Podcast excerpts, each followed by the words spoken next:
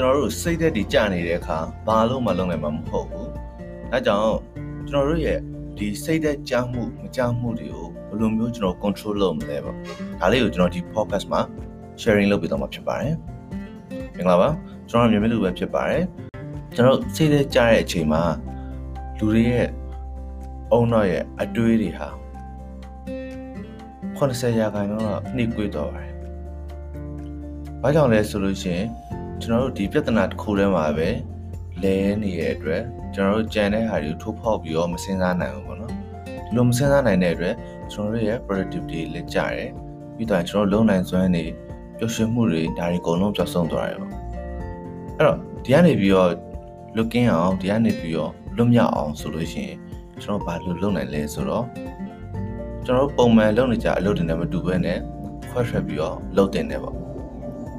ဆိုပါတော့ကျွန်တော်တို့မနေ့မိုးလင်းလာတယ်ဆိုလို့ရှိရင်ခါတိုင်း Facebook တွေကြည့်မယ်ဒါမှမဟုတ်လည်း game ဆော့မယ်ဗီဒီယိုကြည့်မယ်ပေါ့နော်အဲ့လိုလုံးမဲ့အစားပေါ့ကျွန်တော်တို့တခြားမတူတဲ့ activities တခုနဲ့အစားထိုးကြည့်ပေါ့နော်အဲ့လိုမဟုတ်ဘူးနေတိုင်းမှာဆိုလို့ရှိရင်လည်းတွေးနေတဲ့အတွေးတွေကိုပြောင်းလဲလုပ်ကြည့်ပေါ့နော်အဲ့မှာ စိတ်ကအပြောင်းလဲဖြစ်ဖို့ဆိုရင်လူလည်းအပြောင်းလဲလုပ်ဖို့လိုတယ်အဲ့တော့ခန္ဓာကိုယ်ကြီးကိုအရင်အပြောင်းလဲလုပ်ပြီးမှစိတ်ကပြောင်းလဲလာတယ်ပေါ့နော်တချို့ကြလည်းစိတ်ကပြောင်းလဲမှခန္ဓာကိုယ်ပြောင်းလဲမယ်လို့ပြောကြရပါဒါပေမဲ့ကျွန်တော်စိတ်ကိုပြောင်းလဲဖို့ဆိုတာခန္ဓာကိုယ်ဒီ physical အပြောင်းလဲရုပ်ဝတ္ထုအပြောင်းလဲလုံးရင်ပို့ပြီးတော့စိတ်ကိုပြောင်းရတာလွယ်ပါတယ်ဒါကြောင့်ကျွန်တော်တို့ဒီပုံမှန်နဲ့မတူတဲ့